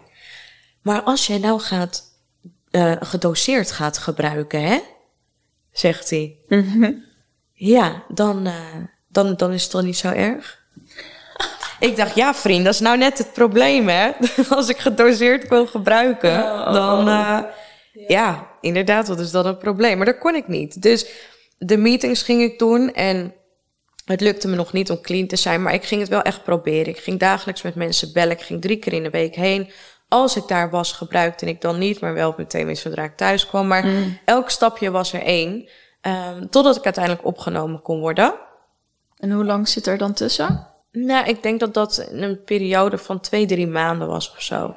En dat was ook wel heftig, want ik, ondertussen kreeg ik eh, onder andere methadon voorgeschreven. Hè, dat is een soort onderhoudsdosis. Dan denken ze van, nou, dan heb je minder behoefte aan de real deal. En dat, dat kun je veel beter afbouwen. Nou, dat werkte allemaal niet. Eh, dat was een periode waarin ik heel veel ging vervangen. Eh, dus oké, ik probeer dat niet meer te nemen. Maar dan ging bijvoorbeeld, nou, eh, seks, alcohol. Ik ging zelfs middelen proberen waar ik helemaal niks mee had, zoals speed. Ik heb daar nooit iets aan gevonden. Ging dat in één keer doen, weet je wel. Dus dat was echt, ja, dit was echt een hele hectische fase. Want ik wilde er van af, maar ik wist niet hoe. En nou, toen had ik dus de, mijn eerste opname. En toen zei ik ook, ik ga van alles cold turkey. Want ik heb geprobeerd af te bouwen. Ik heb geprobeerd te vervangen. Niks werkt. Het wordt elke keer erger. Dus als ik deze opname ga doen, moet het cold turkey. En in eerste instantie wilden ze dat niet toelaten. Kan dat überhaupt met je lijf? Nou, daarom. Dat was wel een beetje risky. Maar ik stond erop. En je hebt natuurlijk zeggenschap over je eigen lijf. Dus toen hadden ze me op een crisiskamertje gezet. Heel goed onder controle. Eh, ik kreeg medicatie. Dan niet onderhoudsmedicatie, maar bijvoorbeeld om eh, nou, je bloeddruk eh, goed te houden. Enigszins ontspannend, weet je wel. Maar dat was echt zo heftig. Want toen moest het echt. Toen zat ik intern, toen kon ik niet meer weg. Wauw, wat voor lichamelijke, ja, hoe noem je het, sensaties heb je die week gevoeld? En pijn Zo, en ja. Ik zeg wel eens, het is, het is bijna niet voor te stellen als je dit zelf niet hebt meegemaakt. Het is echt gruwelijk gewoon. Maar het is gewoon de griep keer 100 en is zonder te overdrijven. Het is vooral, je hebt ook echt griepklachten, hè? koorts, eh, misselijk, braken, diarree. ehm, maar ook echt continu een loopneus, veel gapen, niezen, dat, dat zijn verschijnselen. Maar het allerergste is wat je in je lichaam voelt. Het voelt echt alsof je botten zijn gebroken. Je voelt continu zo'n vreselijk naar gevoel onder je, onder je huid. Alsof je het ijskoud hebt en in de fik staat tegelijkertijd. Al je zenuwen doen pijn. Je bent gewoon echt sensory overload ten top gewoon. En alles doet zeer. Ik weet ook gewoon dat... ehm is echt nog zo'n beeld wat ik heb. Dan stonden we in de, bij de meeting, was ook in het gebouw van de kliniek. En bij de afsluiting stonden we altijd in een kringetje met elkaar de Serenity Prayer op te zeggen. En ik weet nog dat ik toen letterlijk werd ondersteund door twee fellows, noem je dat dan, omdat ik gewoon niet op mijn benen kon staan. Ik was de hele tijd zo aan het trillen. Ik kon me drinken niet. Restless legs heb je. Het is echt heel heftig. Hoe lang heeft dat geduurd? En dat heeft wel, nou, ik denk bijna twee weken geduurd. En dat had er ook mee te maken dat ik onder andere ook van de methadon afkwam. En uh, heroïne, als je alleen dat zou hebben, dan ben je na een week is echt het ergste wel voorbij. Dan komt er natuurlijk nog de mentale uh, hè, nasleep, maar ja, dat is ook heel heftig, maar dat is korter. Uh, methadon blijft veel langer in je systeem. En ik had op dat punt echt alle soorten opiaten gebruikt, maar natuurlijk ook alcohol. Alcoholafkick is ook heel heftig. Uh, cannabis, tripmiddelen. Ik ging echt van een complete cocktail cold turkey af. Dus dat was heel zwaar. Um, na die eerste opname ben ik 74 dagen clean gebleven ongeveer. Uh, en toen viel ik terug. Mm -hmm. Dus toen ging ik voor toen een was je weer thuis. Ja. En uh, wat heb je dan toch uh, gebruikt? oxycodon oh, ja. weer. En ook hero heroïne weer gaan halen. Ja. ja. Want ik had toen een vriend gekregen. Zeg altijd, neem nooit in het eerste jaar van je herstel een relatie. Nou, ik luisterde daar niet naar. We hadden elkaar leren kennen op de meetings. Hij was toen al uh, in herstel, zeg maar. Uh, ja, en dat was een beetje zo gaan dat ik hem vaak belde en uh, dan groei je zo naar elkaar toe. Maar dat, uh, dat bracht best wel veel met zich mee. Want ik kwam natuurlijk thuis uit de kliniek. En tegelijkertijd kwam hij een soort van bij mij wonen. Hmm. Hij had gigantische verlatingsangst. Ik had bindingsangst. Dus ik dacht soms van ga weg. En hij dacht van ja, maar kan jij toch niet alleen laten? Gaat het wel goed? Dus dat was echt clash, clash, clash. Het was ook heel leuk, heel fijn dat iemand je begrijpt. Maar dat liep vrij snel, was echt heftig wel. Um, dus dat was voor mij een aanleiding tot mijn eerste terugval. Toen ben ik weer gaan halen. En, uh, maar waarom dan? Omdat het gewoon zo clashte ook? Ja, we hadden ruzie gehad. Oh, ja. En zeker in het begin van je herstel, weet je, elke verslaafde kan dan nog helemaal niet met de emoties Nee, omgaan. wat ik zeggen, met de emoties Je voelt in één keer van dan, alles, ja. zeker bij opiaatverslaving. Mm. Dan komt er in één keer zoveel wat je al die jaren hebt weggedrukt, komt in één keer omhoog. Ja. En het is zo intens, het is zo, weet je, je krijgt natuurlijk ook te maken met trek. Dat je, dat je wilt gebruiken, dat is zo Zucht. heftig. Ja. Dus op een gegeven moment kon ik het gewoon niet meer weerstaan. Toen was ik weer gaan halen. Um, en toen, dat was het voordeel dat hij een verslaafde was. En dat hij ook bekend was bij die instelling. Uh, ik kreeg toen daar wel nog dagbehandeling. Dus het was wel een soort van, als je terugvalt, kan je vrij snel terecht. En hij had toen geregeld, nadat ik ongeveer een week in gebruik zat, dat ik weer werd opgenomen. En dat was toen een wat kortere opname. Je, het was iets minder heftig, want ik had het korter gebruikt. Uh, en daarnaast nog een keer gevolgd. Dus uiteindelijk ben ik drie keer de kliniek ingegaan. En um, Het is zo bijzonder eigenlijk hoe dat gaat, hè? Want uh, weet je, dit is ook waarom ik het bespreek. Als het zo makkelijk was om af te kicken, ja. dan deden mensen het wel. Maar, uh, hè, en dat je zo die twee weken ellende hebt meegemaakt in je lijf. En dat, ja, Ja. je, je zegt al, je, je kan het niet echt, ja, een griep keer honderd. Nou ja, ik vind griep, echte griep is al kut. Mhm. Dus je wordt denk ik helemaal gillend gek. Ja. Dat je dat door hebt doorstaan. En dat je dan, weet je, je, je hersenen denken daar helemaal niet aan Nee. als het weer even kut gaat dan. Ja, op dat moment denk je ook echt van... Het was zo heftig, maar soms was ik dankbaar voor die afkick. Want ik dacht, dit herinnert me dat ik nooit meer terug wil. Mm. Maar ja, inderdaad, op dat, dat punt maakt dat je helemaal geen fuck meer uit. um, maar dat was ook wel heel heftig. Want ik wist natuurlijk echt op dat punt dat ik gewoon een probleem had. En ik wilde het ook helemaal niet. Dus dat, dat voelt nog veel machtelozer... dan dat je gewoon in gebruik zit... En je erkent je probleem nog niet. Dus die fase was echt best wel heel zwaar. Het lijkt me ook dat je nog meer schuld en schaamte ervaart. Omdat je dus of wel bewust bent. Ja, want ik bedoel inmiddels, hè, mijn ouders die ondersteunen me ook dat ik naar de kliniek ging. En je probeert het naar hun. En dus in één keer, je gaat uit je kluisenaarsbestaan, daar raken in één keer andere mensen bij betrokken. Iedereen weet nu in één keer van je proces. Dus iedereen ziet je ook op je bek gaan. En dat, dat is helemaal vreselijk. Dus soms gebruik je, omdat je het zo erg vindt dat je hebt gebruikt. En je weet niet hoe je daarmee om moet gaan. Maar toen, na de laatste opname, dat was in november 2016. Dus ik ben nu zeg maar zes jaar clean van de opiaten. Ehm, toen was het kwartje wel gevallen. Maar toen kreeg ik in december kreeg ik nog een terugval met uh, gewoon alcohol en wiet. Samen met mijn ex destijds. We vielen allebei terug. Nou, dat ging hard. Als je twee verslaafden bij elkaar hebt, kan ik je zeggen. Ja. Um, en hoe, hoe ontstaat zoiets dan? Ja, je rolt op een gegeven moment zelf in. Kijk, onze relatie was al niet gezond. Uh, ik heb destijds al meerdere keren gezegd van nou, ik, ik wil eigenlijk niet meer dit doen. En hij bleef maar. En dus het was echt dat aanstoten aftrekken. Uh, nou ja, en op een gegeven moment, uh, als je dan ruzie krijgt, dan is het oké, okay, fuck it, ik ga drank halen. En dan kom je thuis, ja, als de ene het heeft, wil de andere het ook. Ja, tuurlijk. Weet je, dan, dan, dan begint het met uh, hoe hou je het nou in je hoofd om hier met drank binnen te komen? Denk aan je herstel. Ga naar de meetings en een uur later doe je mee, weet je wel.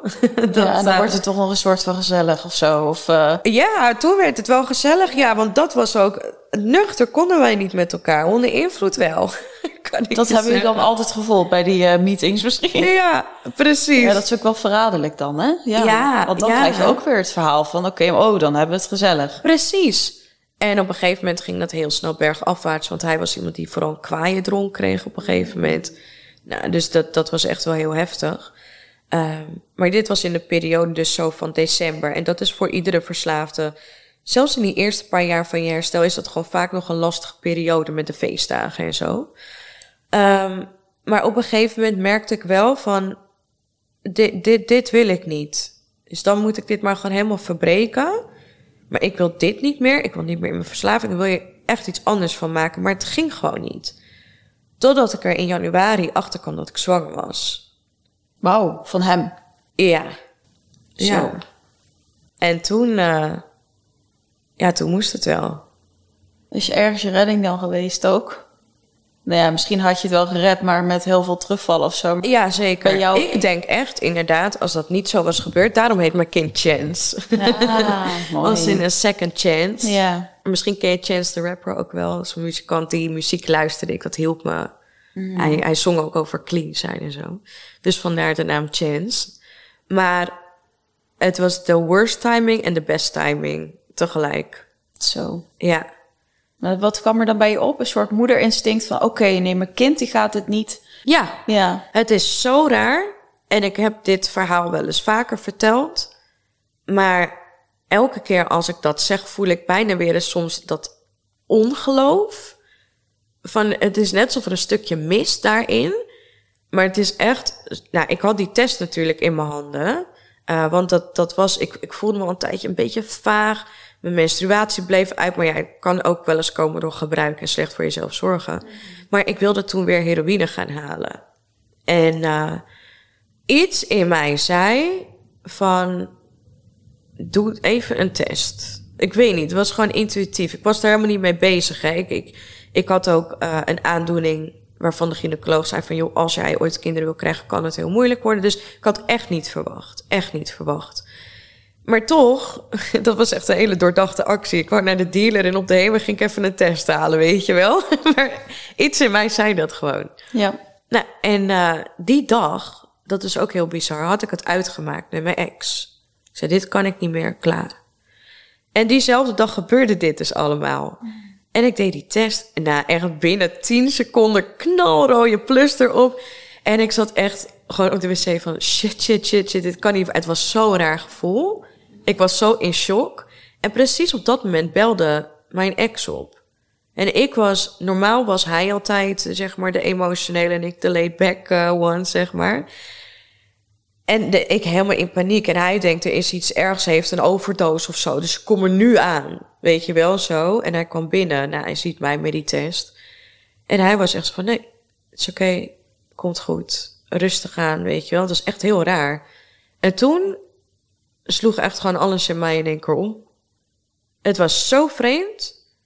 Het was echt in zo'n korte tijd. Eerst was ik helemaal in paniek. Mhm. Ik was nog onder invloed op dat moment. En in één keer, ik denk een uur later, kwam echt dat besef. En ik voelde in één keer, ik voelde heel sterk die ziel of zo. Ik voelde van, ik heb nu een kind in mijn buik. En eigenlijk dat moment wat ik ooit het eerste had met de oxycodon, die verbinding, had ik toen in één keer, toen ik me realiseerde dat ik een kind kreeg. En toen was het echt, oké, dat is klaar. Het is geen optie meer. Wauw. Ja, Ja, ik zit vol eh, bewondering er naar te Ja. luisteren. En zo is het dus ook gegaan. ja. Wel, Je bent niet meer naar de dealer geweest. nee, wel heftig, want ehm, hè, ik, je, je hormonen komen. Ehm, Ja, je had- gevoelens komen alleen maar ook extra Ja, als je daar nog niet helemaal goed eh, mee bent. Ja, dus ik moest wel echt aan mezelf werken. Maar ik nam het ook knijter serieus, weet je. Maar het was gewoon echt... Er stonden bij mij altijd nog achterdeurtjes open. Ook al zei ik dat ik niet meer wilde... toch was die mogelijkheid er nog. En vanaf toen was gewoon geen optie meer. Het was gewoon in één keer van... ik mag niet of ik kan niet gebruiken. Nou, nee, ik hoef gewoon niet meer te gebruiken. Het is gewoon klaar. Want ik wist in één keer of zo waarvoor ik het deed. En het was ook heel raar, want met mijn ouders ook die omslag. Ik bedoel, ze hadden tot voor kort nog zoveel meegemaakt. Dus ik was als de dood om het tegen mijn ouders te vertellen. Ja. Maar daar was ook in één keer die omslag. We hadden in één keer weer die hele band terug. Contact. Het, was, het, het is echt super snel gegaan. Gewoon door zo bewust die keuze zo neer Ja. te zetten dat anderen dat ook misschien zo voelden. Ja, en daarom dat ik het altijd omschrijf als het is letterlijk alsof ik op een andere tijdlijn ben gestapt. Wauw, wat bijzonder. Ja. Want ze noemen het een wondertje, maar in jouw geval is het dan twee keer een wondertje. Ja, zeker. En hoe was het voor jouw ex-man? Heel heftig, want eh, ja, die, die, die kon daar niet mee. Hij deed wel zijn best, maar eh, hij is natuurlijk ook niet voor niks verslaafd geraakt. Hij is onder andere op jonge leeftijd zijn vader verloren. En het feit dat hij nu zelf vader ging worden, was voor hem een gigantische trigger. Dus mijn, eh, mijn zwangerschap is allesbehalve fijn geweest. In het begin wel. Toen probeerden we het allebei en hij ging er helemaal in mee. Eh, en op, tot op de dag van vandaag denken wij ook heel hetzelfde over dingen. Ik heb best wel een aparte visie op opvoeding en eh, wat betreft... nou ja, eh, anders misschien, ja. zoals je al in het begin zei. Een beetje geitenwolle Wat oké is. zonneteam. Ja. stond hij ook helemaal achter, weet je. Dus dat was het niet. Maar hij kon gewoon niet met zijn verslaving dealen. Zijn middel was GHB. ja, Nou, dat is heel, heel, heel heftig. dat weet ik, ja. Ja. Dus hij veranderde echt in een compleet ander persoon. Maar hij kon ook agressief worden als hij dan in één keer aankwam.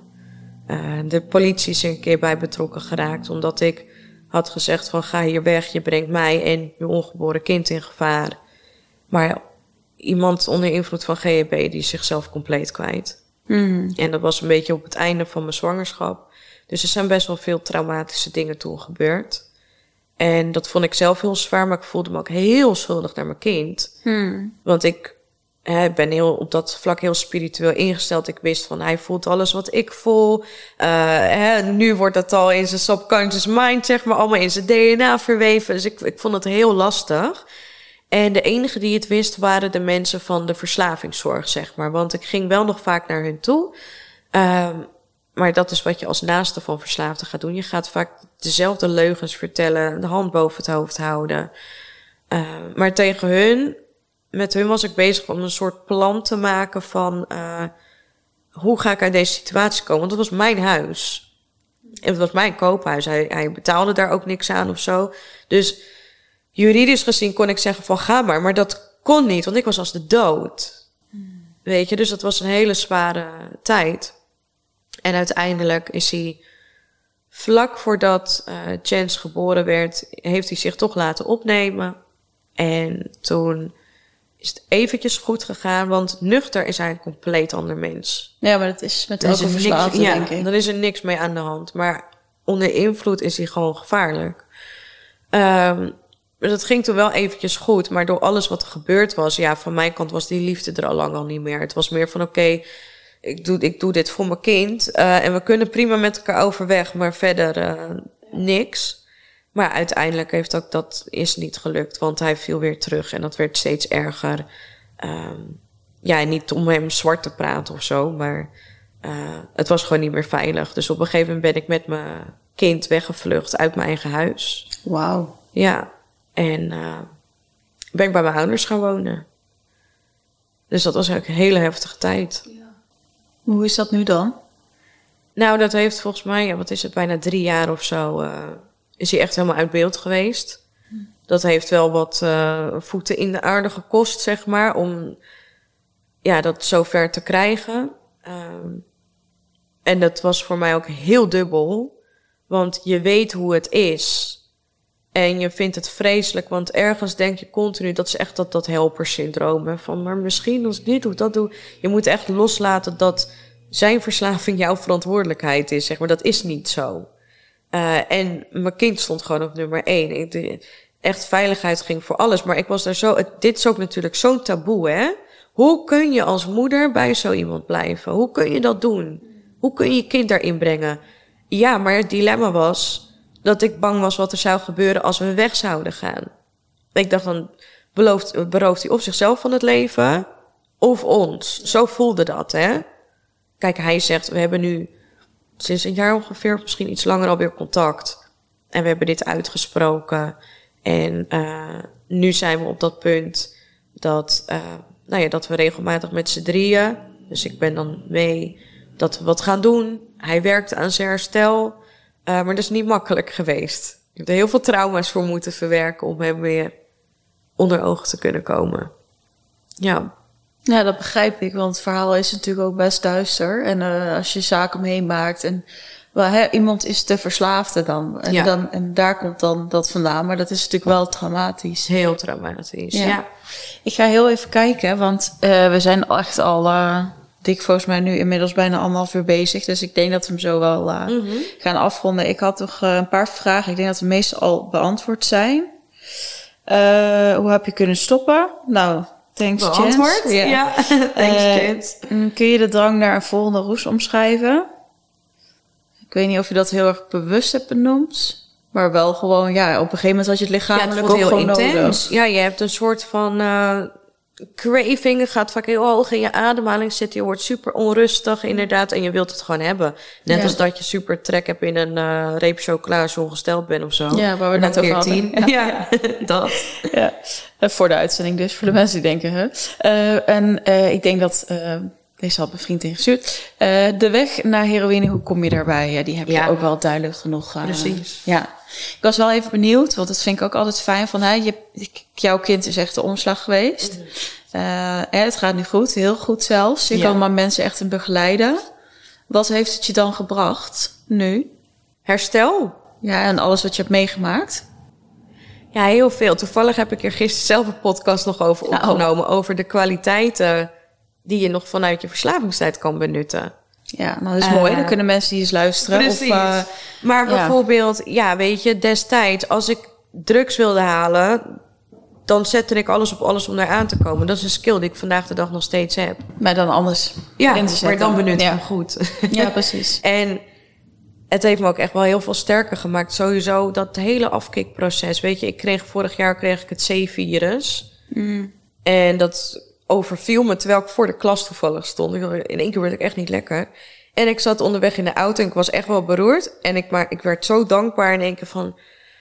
Oh ja, nou weet je, als maar ik die shit, dan... Ja. Uh, I got this. Dus tegelijk, ja, ergens ook wel weer veel meer vertrouwen in mijn lichaam. Zo weerbaar ben ik ervan geworden. Ja. Maar ik heb natuurlijk ook... Uh, ja, juist, ik, ik geloof echt dat we dingen niet voor niks meemaken in ons leven. En zelfs mijn oma van 92, die zegt elke keer als ze mij bijvoorbeeld over mijn opleiding hoort of over mijn werk, dan zegt ze van ja, jij hebt dat gewoon moeten meemaken ja, om mooi. te doen wat je nu doet. En daar ben ik ook heilig van overtuigd. Ja, ja dat is ook wel hoe ik het geloof, waarom we ja. soms die shit meemaken. Ja. Zeker, ja. Nou, dus laat dat ook nog een mooie laatste zijn voor de luisteraars en denken, oh god, ik zit zo in de shit of wat het ook mag zijn. Ja. Ik denk dat dat heel mooi is. Zeker weten. Oké, okay, nou, ik ga je bedanken. Jij ook? Ja, waar ga ik beginnen? Van je, ja, duistere verhaal. Het is echt taboe, denk ik. Ik denk ook mensen die je nou voor de eerste uur in ieder geval hebben kunnen zien voordat de camera uitdiende. Mm. Dat ze denken, hè, jij? Maar dat dat juist ook zo, ja, dat dat ook een taboe is. Dus ik ben heel ja. blij dat je je verhaal hebt gedaan. En ook um, voel ik inderdaad het zo het oordeelloze bij je. Dus ik uh, ja, snap. En ik snap nu ook wel beter waarom misschien voor jou wat minder intens is. Jij hebt alles gezien, je hebt alles ja. meegemaakt. Ja. En je kan juist daardoor iemand heel goed begeleiden. Yes. Ja. nou, normaal kijken in de camera, nu hoeft het niet. Maar eh, mocht je Valerie iets willen laten weten, dan kan dat natuurlijk via eh, haar Instagram. Ik zet ook je website erbij. Eh, mochten mensen ja, iets willen delen of misschien zeggen van nou, ik luister en ik herken me ook ergens in het verhaal. Dan kunnen ze vast contact ook met je opnemen. Ja, zeker. Ja. Dus uh, ja, en vond je het een mooie aflevering? Laat dat even weten in, uh, in de comments. Of door middel hoe je ons helpt door het door te sturen naar iemand van je denkt, nou, dit moet iemand echt horen. Want ik denk wel dat je verhaal wat iedereen echt, uh, nou, we houden toch een beetje van dit soort juicy, uh, Zeker. duistere verhalen. En je ik wilt hoop het zelf niet meemaken, maar het, verhaal, het horen is dan helemaal leuk. ja. Nee, dankjewel. En uh, we gaan hem lekker afronden. En uh, ja, Yes. je, voor jullie tot de volgende. Doei!